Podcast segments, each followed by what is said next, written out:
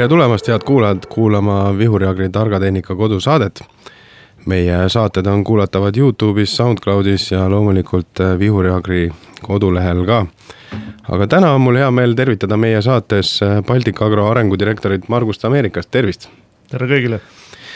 no oleme oma saadetes puudutanud ju erinevaid teemasid ja täna siis otsustasime, et äh, kaasame Marguse Baltic Agrost ka siia ja räägime võib-olla natukene kokkuvõtteks sellest, kuidas käesolev aasta on möödunud milliseid suuri asju on tehtud ja mis sina, Margus, ütled, et äh, kuidas siis äh, põllumeestel äh, eelnev hooaeg on läinud, noh teadupärast külvid ei ole veel päris lõpetatud, aga kuidas siis see saagipool ja loomakasutuse pool ikkagi lõpuks välja tuli? no oli ju tõesti väga häid tulemusi lubav hooaeg. ma olen kõigile öelnud, et näed, kümme kuud olid talirapsid põllul ja, ja juunikuu alguses vaatasime veel, et sealt tuleb oi-oi-oi, mis saak on tulemas ja siis tuli põud peale. ja võttis ikkagi päris palju jälle ära, nii et ikka mingi viisteist, kakskümmend protsenti jäi võib-olla saamata, aga sellegipoolest taim oli ju juba tugev kasvanud ja sellised taliviljasaagid tulevad ikkagi päris enam-vähem sellised, noh õnneks jah, tõesti oli selleks ajaks saak formeerunud, juba suurest osast jäi võib-olla veidi peenemaks ja suviviljad muidugi vedasid alt, need eriti jah, muidugi põlduba, mis oli kaunis õnnetu, nii et aga kokkuvõttes siis jah, peab ikkagi ütlema, et ikaldust ei olnud ja, ja veame välja, aga, aga see oli ikkagi tänu sellele, et me ise olime targemad, me olime oma talivilja protsendi osanud juba nii suureks viia, et me olime ilma taadist palju vähem sõltuvad kui kunagi kümme, kakskümmend aastat tagasi. nii et ikkagi lõppkokkuvõttes ma saan aru, selline Harju keskmine, kuna teadupärast ju rapsi hinnad olid äh, küllaltki head ja talivili ka siin Lõuna-Eesti pool ja kus sademeid oli rohkem, siis see ju oli hästi talvitunud ja, ja ka seal saaginumbrid kõige hullemad ei olnud, et pigem olid suviviljadega võib-olla vähe kesisemad saagid siis. jah, võib-olla isegi, et äh, saagid võivad isegi jääda selliseks keskmiseks, mitte, mitte väga hulluks, aga, aga just jah, et rahalisest poolest võib-olla väga hull ei olegi olukord, kuna tõesti hinnad olid väga head mm. -hmm aga kui me räägime nüüd näiteks äh, loomakasvatuse poole pealt, mis seal äh, siis sellel aastal võrreldes varasematega, kuidas seal läinud on? no nii nagu majandusmehed ütlevad, et ühtki majanduskriisi ei tohi lasta raisku minna, siis samamoodi ei tohi lasta ka raisku nüüd seda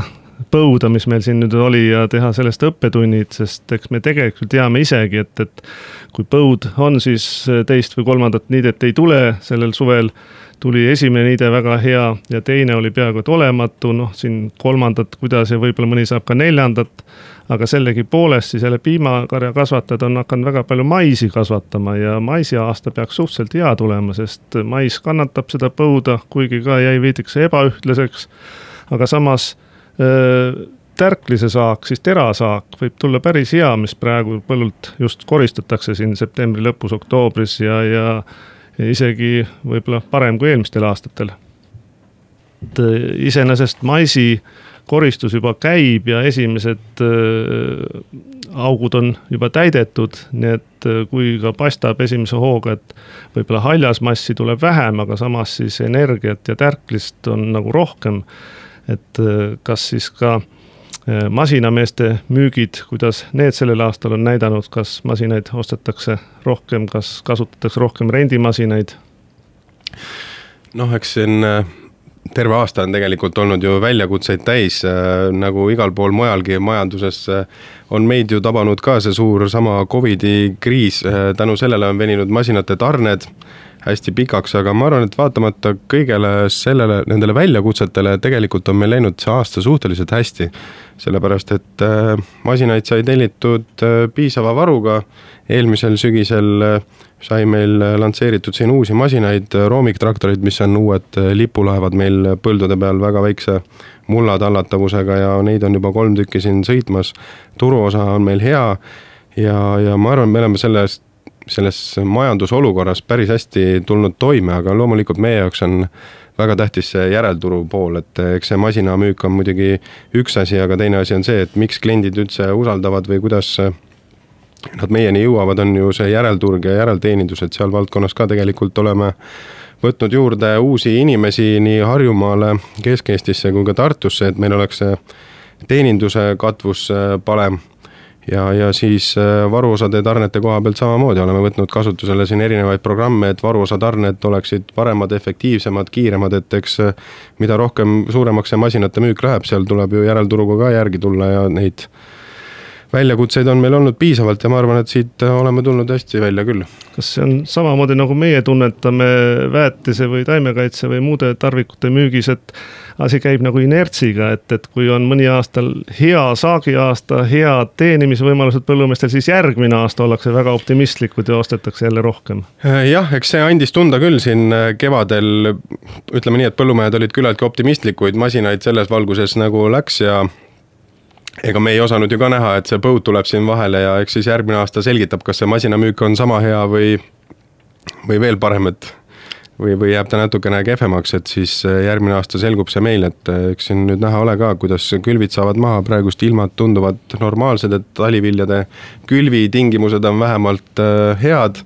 aga noh, siin on veel väga palju, mitu muutujat vahel, mis kõik võivad, võivad seda pilti mõjutada, nii et. eks seesama õppetund, millest me rääkisime, et, et äh, põuaga oli viljade valmimine kiirem, saadi kesad varem üles harida, külvati kindlasti, nüüd tuleb sellel aastal rekord taliviljade külvipind et siin teeme nalja, et mõni mees külvas võib-olla kõik põllud juba täis, et, et kas ikkagi hernele või maisile veel jättis üldse ruumi, aga, aga eks siis see pärast paistab. suure tõenäosusega küll jah, et nii palju, kui mina olen ka põllu peal käinud, siis põllumehed ikkagi pigem jah, selle talivilja peale proovivad panna nagu suurema panuse, et, et suviviljadele vähem, kuna eks see suviviljadega on ju alati see risk selle põuaga olnud suurem, et kui talivili ikkagi ära talvitub, siis saab ta sealt põllu pealt kenasti kätte ka, et aga eks seda näitab juba järgmine aasta, mis järgmised saagid äh, toovad ja sealt edasi saab siis vaadata, kuidas, kuidas see masinamüük hakkab minema ja ja nii edasi. aga milliseid suuri sündmuseid, äh, ütleme siin põllumeeste jaoks on toimunud või Baltic Agro jaoks siis, mida uut on tulnud turule või, või milliseid tegevusi? no jah, kahjuks selliseid äh, suuri põllupäevasid sai eelmine aasta ja selle Covidi tõttu natuke vähem tehtud, aga, aga samas siis oli ju ka päris äh, asjalikke selliseid tehnikademosid nagu kombainidegi võrdlus oli ju, eks ole. ja, ja seal olime ka meie Baltic Agroga väljas, näitasime oma ilmajaama, mida saab põldudele panna. nii et et äh, me läheme oma taimekasvatustootmisega järjest täpsemaks ja, ja ka see on üks võimalus, et kui me ikkagi tõesti täna toodame põldudel kolm korda enam, kui me tootsime veel mõnikümmend aastat tagasi ja samas kasutame väetiseid kolm korda vähem, taimekaitsevahendeid poolteist korda vähem, siis see tähendab seda, et me teeme kõike tööd ju palju täpsemalt ja põhimõtteliselt on ikkagi veel võimalus edasigi minna veel täpsemaks, nii et äh, ilmajaam on just see, mille järgi siis on võimalik oma tööd palju optimaalsemalt planeerida. eelkõige siis nendel, kellel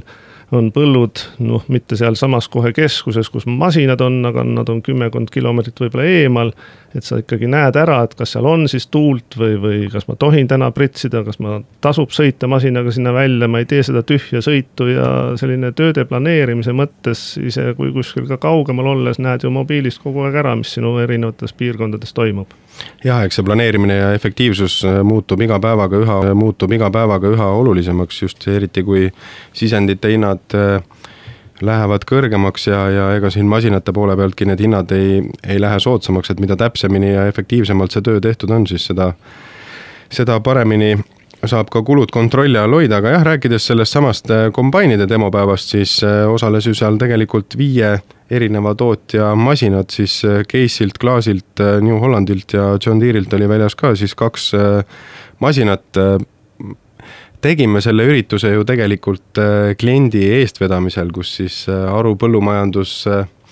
oli soetamas endale kombaine, kõik kombainimüüjad väitsid, et nende masin on kõige parem ja, ja põlluomanik siis otsustas, et kui kõik väidavad või toovad välja sellise julge argumendi, et miks mitte siis neid masinaid võrrelda põllu peal ja ja saime siis kõikide konkurentidega koostöös masinad kenasti põllule küllaltki keeruline ettevõtmine ikkagi, ega selles mõttes alguses ei olnud päris korralikku aimdust, millissugust, missugust logistikat või milline on selle ürituse mastaap, aga ma arvan, me tulime sellest päris hästi läbi, et kuidas see üritus oli siis äh, üles ehitatud, oli selliselt, et igale kombainile oli valmis lõigatud seitsme hektariline põllulapp igat kombaini teenindas siis üks altveokäru pluss veel siis kaks rekat, et kõik koormad saaksid eraldi ilusti ära kaalutud ja, ja terakao mõõtmise süsteemid olid ka siis kõikidel masinatel peal ja lisaks mõõtsime siis veel kütusekulu ja seda koristatud aega ja, ja ütleme noh, eks Eesti tingimustes sellist äh, ühtlast tasast põldu leida, kus saak on iga põllu lõikes, on äh, täiesti ühtlane, on küllaltki raske ja tegime parima, mis äh, parasjagu võimalik oli saime need põllud välja lõigatud, saagid siiski jäid äh, seal küllaltki ühtlaseks ja John Deere'i kombainid seal näitasid ennast küllaltki heast küljest, et äh, see uus X9 kombain, mida, mida siin möödunud aastal tutvustati alles kogu maailmale ja sellel aastal jõudis ta Eestisse, näitas ikkagi kõige väiksemat äh, kütusekulu ja terakao poole pealt ka kõige parem masin tulemustest, kuigi ega siin ei ole võimalik ju võitjat välja selgitada, igal kombainil on nii palju erinevaid äh, aspekte, seal on nii palju erinevaid parameetreid, mis nende masinate suhtes äh, saab jälgida ja eks iga, iga põllumees peab ikkagi enda ja äh, ütleme siis valikute järgi ära otsustama, et mis tema jaoks tähtis on või milline, milline tema jaoks võiks olla see õige kombain, aga ma arvan, et see uurimustööna selline võrdlus ära teha oli päris suur töö ja siit kindlasti meil endil oli palju õppida ja ja nendel, kes oma masinaid tulevikus hakkavad soetama viljakoristuseks, kindlasti on seal äh, väga palju vaadata. no eks see kindlasti oli ju hea, et sellist äh, kohaliku põllumehe initsiatiivi ära kasutada ja ja need masinad ju, mis seal põldudel olid, äh, kas on õige, et need olid ikkagi tõeliselt maailma tipptasemel masinad, ega vist enam suuremaid ja uhkemaid, võimsamaid kuskilt siia tuua ei olekski, et, et väiketalunikud, kes kuskil Prantsusmaal või või Saksamaal on, et nemad ei saagi endale selliseid masinaid lubada vist? Jah, ega tõepoolest need masinad olid tõesti siis iga tootja nii-öelda tippmudelid, välja arvatud küll jah, siin võrdluses oli kaks kombaini, meie seesama S seitsesada üheksakümmend, noh, ta ei olnud küll tippmudel ja Case'i kombain ei olnud ka kindlasti tippmudel, aga lihtsalt sealt saabki välja tuua selle võrdluse, et mis siis see hinnavahe ja tootlikkuse vahe on, et kas ta on nagu võrreldav või proportsioonis, et kas see masin on ka nii palju tootlikum, kui tema hind on suurem et natukene väiksemad masinad olid seal sees, aga jah, kolme tootja masinad, seesama Klaas Lexion, suur New Holland ja suur John Deere olid tõepoolest maailma kõige suuremad ja kõikidel kombainidel olid äh, kaheteistmeetrised eedrid ees ja ja ütleme noh, kui see suur kombain, kombainide armaada mööda põldu läheb, äh, kõik kaheteistmeetrised eedrid ees, siis on ikka näha, et midagi on põllu pealt äh, võetud ka ja see tootlikkus on ikkagi jah, väga-väga-väga suur, et nii palju, kui me seda oma kombaini siin põllu peal saime katsetada ja koristada sellega siin talirukist seal kaheksakümmend viis tonni tunnis, siis see on ikka hämmastav kogus vilja tegelikult ja see püstitab isegi, ma arvan, uued probleemid saagikoristuses, et ütleme, kui varasemalt võib-olla see logistika ei olnudki nii suur äh, probleem, aga kui sul üks kombain põllu peal sedasi toimetab, siis seda ära teenindada nii logistika kui vilja kuivatamise poole pealt on äh, küllaltki suur väljakutse, aga noh minu meelest nii palju, kui ma olen siin Eesti peal jälginud, siis kuivati jõudlus ka Eesti peal on juba läinud päris äh, võimsaks, ehkki viimane hooaeg küll äh, kuivatusmaht võib-olla nii suur ei olnudki, sellepärast et enamus ajast oli ju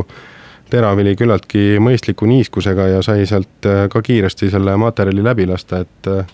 aga jah, eks see ongi selle suure kombaini mõte ka, et kui ta põllu peal teeb tööd, siis äh, lühikese ajaga koristada ära maksimaalselt äh, kuiva vilja, et saab ta siis ladustada või, või ära panna ja hiljem juba ära müüa või kuivatada. nii et mingil määral võib siis öelda, et et äh,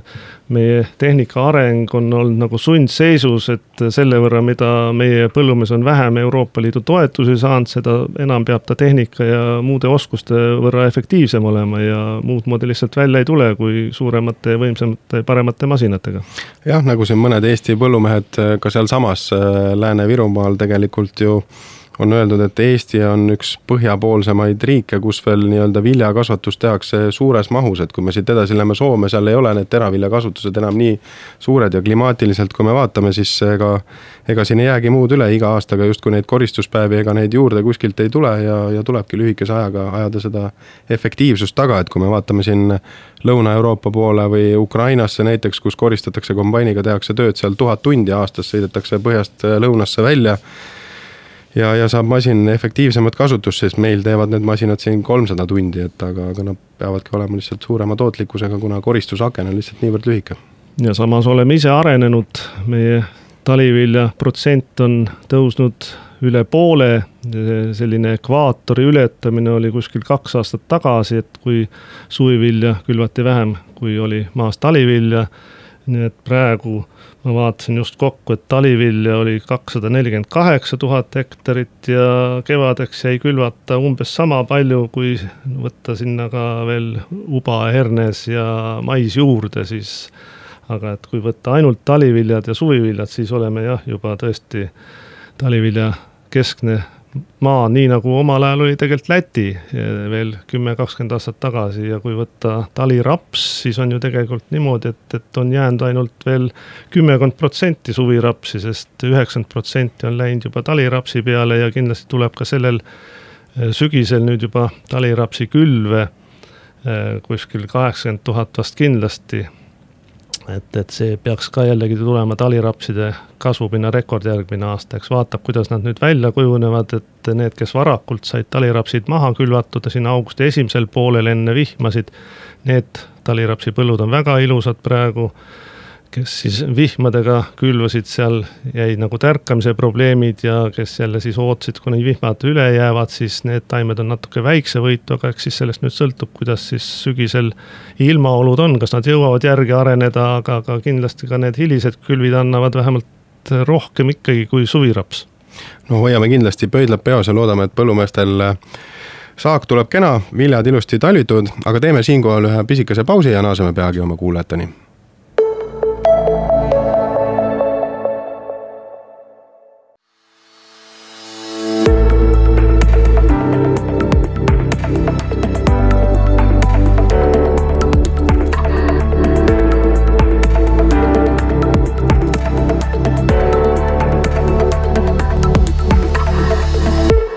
tere tulemast tagasi, head kuulajad. kuulama Vihur ja Agri targa tehnika kodusaadet. no nii, Margus, saime kaetud siin juba üsna omajagu teemasid. rääkisime taliviljade osakaalust ja seda, kui palju on külvatud, aga mõned teemad on veel läbi rääkida, et arutasime ju kevadel, sai siin räägitud sellest suurest laborist, põllumajandusteenustest ja oskad sa võib-olla kokku võtta, et kui need laborid nüüd lägapüttide peal ja ja, ja silokombainide peal töötasite, et kas te olete enda jaoks ka leidnud siis mingisuguse väljundi sealt või mida edasi müüa või, või oled, mis, mis on see tulemus, mida te olete sealt näinud siiamaani? no enne me ka rääkisime sellest, kuidas jällegi kõike täpsemalt teha, et, et efektiivsemalt just, et, et ühe toitainete ühikuga saada suurem enamsaak ja iseenesest me seda oleme juba päris hästi ka Eestimaal ju teinud, nagu jutuks oli, et kolm korda vähem mineraalväetisi kasutame kui omal ajal nõukogude ajal eh, siis eh, see labor on jah, üheks võimaluseks, et, et siis jällegi panna seda toitainet taimele sinna, kuhu eh, vaja just ja õigel ajal, nii et see ongi nagu see nelja õige reegel, et, et taim saaks õiged toitained õiges koguses, õigel ajal ja õigesse kohta. nii et kui meil on rekordsaagid päris korralikud, me teeme ju viljelusvõistlust ja isegi sellel aastal äh, saadi ka üle kümnetonniseid saake. Äh, siis Eesti keskmine ikkagi jääb ju meil sinna nelja tonni piiresse ja, ja meie põhieesmärk ju olekski see, et, et kuidas siis seda niinimetatud saagilõhe nagu vähendada, et viia seda keskmist sinna parimate saakidele lähemale ja võimalikult väikeste kuludega, nii et äh, samalt pinnalt äh, saada väiksema energiakuluga, väiksema tööjõukuluga, väiksema rahakuluga suurem saak. ja samas siduda rohkem siis süsinikku mulda, nii et taimekasvatus koos metsandusega on üks vähestest aladest, kus on võimalik süsinikuheidet vähendada. kui ülejäänud kogu inimkonna tegevus paiskab süsinikku taevasse, siis äh, ainult läbi fotosünteesi me saame teda mulda siduda ja, ja mida efektiivsemalt me seda teeme, seda, seda parem kogu inimkonnale, nii et äh, oleme kliimasõbralikud ja, ja labor on üks võimalustest, et seda ebaühtlikkust siis vähendada. ebaühtlikkus on eelkõige siis ühe põllu piires, meil on põllud väga kirjud, on põllus osad, kus me saame väga häid saake, teine osa, kus jälle keskmised ja osa, kus ei saa peaaegu et midagi või jääb väga niruks see saak. Ja selles mõttes just siis ka seesama analüsaator äh, ütleb ära, et sul ei ole ka mõtet sinna taimele süüa anda, kui seal on mingid muud probleemid siis, et, et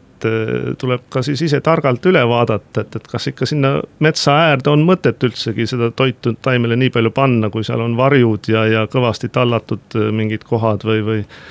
ja samamoodi siis ka erinevate põldude vahel suured erinevused ja ka kogu Eesti piirkonniti suured erinevused, nii et ei saa võtta seda ühte soovitust ja teha seda kõike ühe puuga kõigile. No just sedasama, et äh, ei ole mõtet ühte asja teisega kompenseerida, võtsin ma tegelikult ise ka kaasa sellest hooajast, kui ma tegin äh, demosi Silo kombainiga, et, et äh, seal masina peal ju samamoodi kasutasime seda laborit ja väga hea on reaalajas jälgida, kui palju on äh, sööda sees kuivainet, kui ta on liiga märg, no ei ole ju mõtet äh, sinna minna ja sa ei kompenseeri seda ära pärast selle konservandiga, kui ta on liiga märg, siis seda massi sinna auku panna rikub äh, varasema varasemalt auku pandud silo ka ära ja kui on näiteks äh, tuhka või midagi sees, et see põld ei ole kvaliteetne, ei ole kvaliteetselt haritud või ei ole teda vaalutatud kvaliteetselt, et seal samamoodi ju seda saaki sinna auku vedada selliselt eh, ei ole ju suurt mõtet, et tuleks teha ikkagi midagi täpsemini ja õigemini ja selles mõttes nii palju, kui masina peal reaalajas nägid, siis väga hea tagasiside tegelikult annab see, et eh, kõik kohad, kus me käisime demos, eh, seal kas siis kohalik agronoom või keegi ikkagi sõitis kaasa ja väga hea oli reaalajas jälgida ja reeglina tegelikult peaks ütlema, et Eesti põldudel need rohumaad on küllaltki heas seisukorras, et valdavalt ikkagi uuendatud saak on äh, korralik, põllud on ilusti ühtlased ja, ja ja tegelikult mina näen seda, et eks see saagi või silo tegemise tehnoloogia ka on ikkagi nii palju arenenud, et me saamegi kvaliteetsemalt selle silo auku ja kus see labor nüüd saab kasuks tulla, ongi siis see, et ta saab ju automaatselt reguleerida seda eksli pikkust, et mida mida märjam mass, seda pikem ja mida kuivem, seda lühem, et saab ka selle silo tegemisel nii-öelda ära kasutada, et see saak tuleks mõnevõrra siis äh, ühtlasem seal siloaugus selline varieeruvus tuleb äh, alati kasuks, äh, et, et kui kindlasti siis peab ka masinate süsteemil see nagu sobivus olema, et, et äh, üks asi on see jah, et kui me mõõdame põllul noh, nagu mullaanalüüsegi teeme või, või skaneerime seal neid toitainete sisalduse või happesust, aga samas siis ka, et pärast väljakülvil oleks see võimalik erinev laotus vastavalt siis põllu asukohale, jah. just, et võimalikult täpseks ja efektiivseks neid asju ajada ja kelle jaoks on äh, sõna põlluanalüsaator äh, siis võõras, siis tegelikult jutt käib äh, sellisest seadelisest nagu Harvest Lab ja mida see endast kujutab, on siis tegelikult NIR-sensor, mis mõõdab näiteks kui me võtame läga, mõõdab läga sees NPK sisaldust ja, ja selle anduri abil on võimalik siis äh, panna maha läga selliselt, et ta mõõdab ära lägas sisalduva lämmastiku sisalduse, me saame määrata ette normi ja vastavalt sellele siis seda ka maha kanda nii palju, kui vaja on ja teha seda just täpselt nii, nagu Margus ütles, et õigesse kohta ja õiges koguses ka ja täpselt vastavalt äh, vajadusele ja ja, ja sedasama Harvest Lab andurit on võimalik siis panna ka silokombaini peale ja seal mõõdab ta siis äh, söödas sisalduvaid aineid, nagu näiteks äh, toortuhk, seeditavad, seedimatud kiudained, äh, kuivainesisaldus ja, ja proteiin samamoodi, et ja üleüldiselt seda laborit jah, milline, kuidas sa, Margus, ise näed, kuidas see labor nüüd tulevikus, kas äh, tema saab aidata ka kuidagi kaasa teie teenuste pakkumisel? jah, meil põllumajandusteenused on ju järjest arenenud just nendel kahel suunal, et, et meil on seitse komplekti masinaid, kes äh, laotavad vedelsõnnikut äh, kevadest kuni sügiseni välja. käivad, teevad ringe erinevates Eesti loomakasvatusfarmide ümbruses ja samamoodi kaheksa komplekti siis oota nüüd mul jooksis juhe kokku sorry, lõika see siis vahelt välja, et kaheksa komplekti siis ka silokombaine, et äh, ka nemad teevad äh, suve läbi äh, rohusilo ja nüüd siis on juba maisi peal, nii et esimesed maisisaagid on ka koristatud ja, ja tulemused on põllumeeste poolt väga heaks kiidetud. kas te olete teinud ka mõned kokkuvõtted nende põldude pealt, mis on nüüd ära koristatud, on teie agronoomide osakond siis üle käinud mõned andmed nende põldude lõikest, mis teenuste raames on koristatud? no selle aasta numbrid on veel vara kokku lüüa mm, -hmm. et, et on ikka, ootame ära kõik saagid ja, aga eelmistest aastatest on tõesti ikkagi Äh, selge, et, et äh, noh, ütleme põhi, põhi äh, nagu võit on ikkagi siis selles, et, et põllumehel tuleb endal hästi osata arvutada, et, et mis tööd on mõttekas ise teha ja mis tööd on mõttekas siis sisse osta, et, et kui need tööd teenusena tehakse ära palju kiiremini ja sa ei pea omale muretsema hirmkalleid masinasüsteeme et, et äh, siis tegelikult tuleb ikkagi ennem see arvutustöö läbi teha, nii et seal on see põhiline kokkuhoid. just, ja kindlasti sellest samast targast laborist me räägime ju ka tegelikult EPA messil, kas Baltic Agro ka seal osaleb? Baltic Agro on kindlasti jälle ka EPA messil, sest see on nüüd juba mõnes mõttes heaks traditsiooniks saanud sügisel, et põllumehed, just need professionaalsed põllumehed, kes tulevad, siis saavad kõikide äh, oma ala inimestega seal vestelda, suhelda, rääkida tulemustest, rääkida uutest plaanidest ja ka meil on põhirõhk seal just seesamagi selline vestlus inimeselt inimesele just, et, et kõikidega oleks aega, et, et selles mõttes on see siis nagu hea, et, et seal ei olegi ütleme noh, nii, nii-öelda linnarahvast, kes ei, ei oleks sellised tõeliselt professionaalsed põllumehed, vaid seal see paar-kolm tuhat põllumeest, kes meil ju kaheksa, üheksakümmend protsenti põllumajandustoodangust annavad, nemad käivad enamuses sealt läbi ja ma usun, et ka enamus äh, firmasid on seal kohal. nii et ka meie teeme paar sellist äh, seminari, äh, nii et olete kõik oodatud ka neid kuulama jaa, kindlasti palume teid kuulama, et kolmeteistkümnendal oktoobril toimub siis tõesti EPA messi raames ka üks Vihuri Agri paneeldiskussioon, kuhu kutsume äh, kõiki kuulajaid, keda, keda vähegi huvitab seesama labor ja, ja kuidas neid mullaanalüüse ja, ja mitte mullaanalüüse, vaid lägaanalüüse siis võtta ja silos samamoodi, et paneme selle seal laua peal tööle ja täpsem info juba leiate kodulehelt epamess.ee nii et võib-olla, kui mina siis veel omalt poolt täiendan, siis me ka püüame tuua ühte mulla skaneerimise seadet siia Eestisse, et nagu gammakiirgusega saaksime põllud üle sõita, kas ATV või mingi masinaga. ja siis väga täpselt välja joonistada erinevaid toitainete kaarte ja ka üks esimene, mis me tahaksime siis nagu juba järgmisest aastast juurutada, oleks siis lupjamisteenus vastavalt siis sellesama gammakiirguse skaneeringule, et, et me ei pea seda luppe panema igale poole, kust see ei ole happesus probleemiks ja sealt tulekski just see jälle see kokkuhoid, et ikkagi veokulu ja see on väga suur, mis selle lubimaterjali vedamine kuskile Lõuna-Eestisse praegu maksma läheb. Jah, kindlasti logistika on üks väga suur äh, osa sellest kulust, et võib-olla see lubja mahapanek ise ei olegi niivõrd kallis kui see, et see lubi saaks äh, tõesti siit kuskilt sadamast Lõuna-Eestisse kohale või kust iganes, et äh, kindlasti see on kokkuhoiukoht ja kindlasti oleme sellel kursil ka tulevikus, et teha neid asju ja õigeid otsuseid õigel ajal ja, ja õiges kohas, et, et saaks vajalikud toitained mulda õigesti ja, ja tehagi põllumajandust ka edaspidiselt siis võimalikult täpselt. on sul, Margus, midagi meie saate lõpetuseks ka kokkuvõtteks öelda? nojah, võib-olla tõesti, tahaks jällegi taimekasvatust kiita, et kui me vanasti olime loomakasvatus, see oli ala, kus me raha teenisime, taimekasvatus ainult teenendas Eh, loomadele sööta siis tänaseks eh, võime öelda, et, et taimekasvatus annab isegi suurema osa meie sissetulekutest, me oleme muutunud vilja eksportivaks maaks umbes. umbes kakssada viiskümmend protsenti on meie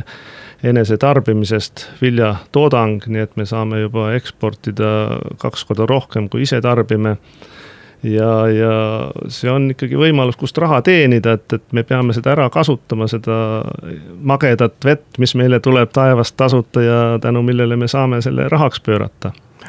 Ja mina omalt poolt tahaksin ka tegelikult kiita Eesti põllumehi, sest näha on, et nende viimaste aastate jooksul ikkagi selline teadlikkus on oluliselt kasvanud ja kindlasti on siin teinud ka äh, tööd äh, kõvasti viljasisendite müüjad, kes on kasvatanud seda teadlikkust ja masinate poole pealt ka, et see tehnoloogia on ikkagi nii palju arenenud, et meil tegelikult on väga suur võimekus teha neid asju efektiivselt ja kiiresti ja targalt. et siinkohal tõesti omalt poolt kiidan ka Eesti põllumehi, et väga-väga-väga suur areng on toimunud põllumajanduse valdkonnas üleüldiselt ja, ja asju tehakse kiiresti ja efektiivselt ja targalt tõesti. et võib-olla isegi kui veel mõni number siia lisada, siis nisupind oli meil juba sellel aastal sada kaheksakümmend tuhat hektarit. et ma huvi pärast isegi arvutasin, et kui nüüd sealt ka keskmine saak tuleks viis pool, et siis tuleks juba kuskil miljon tonni kokku ainuüksi nisu. nii et see on juba suur, suur tulemus. jah, miljon tonni nisu, see on päris, päris mitu laeva on, on aga täname kõiki kuulajaid äh, Vihuri Agri Targa Tehnika Kodu saate kuulamise eest ja kindlasti kohtume veel tulevikus järgmistes saadetes. kõike head. aitäh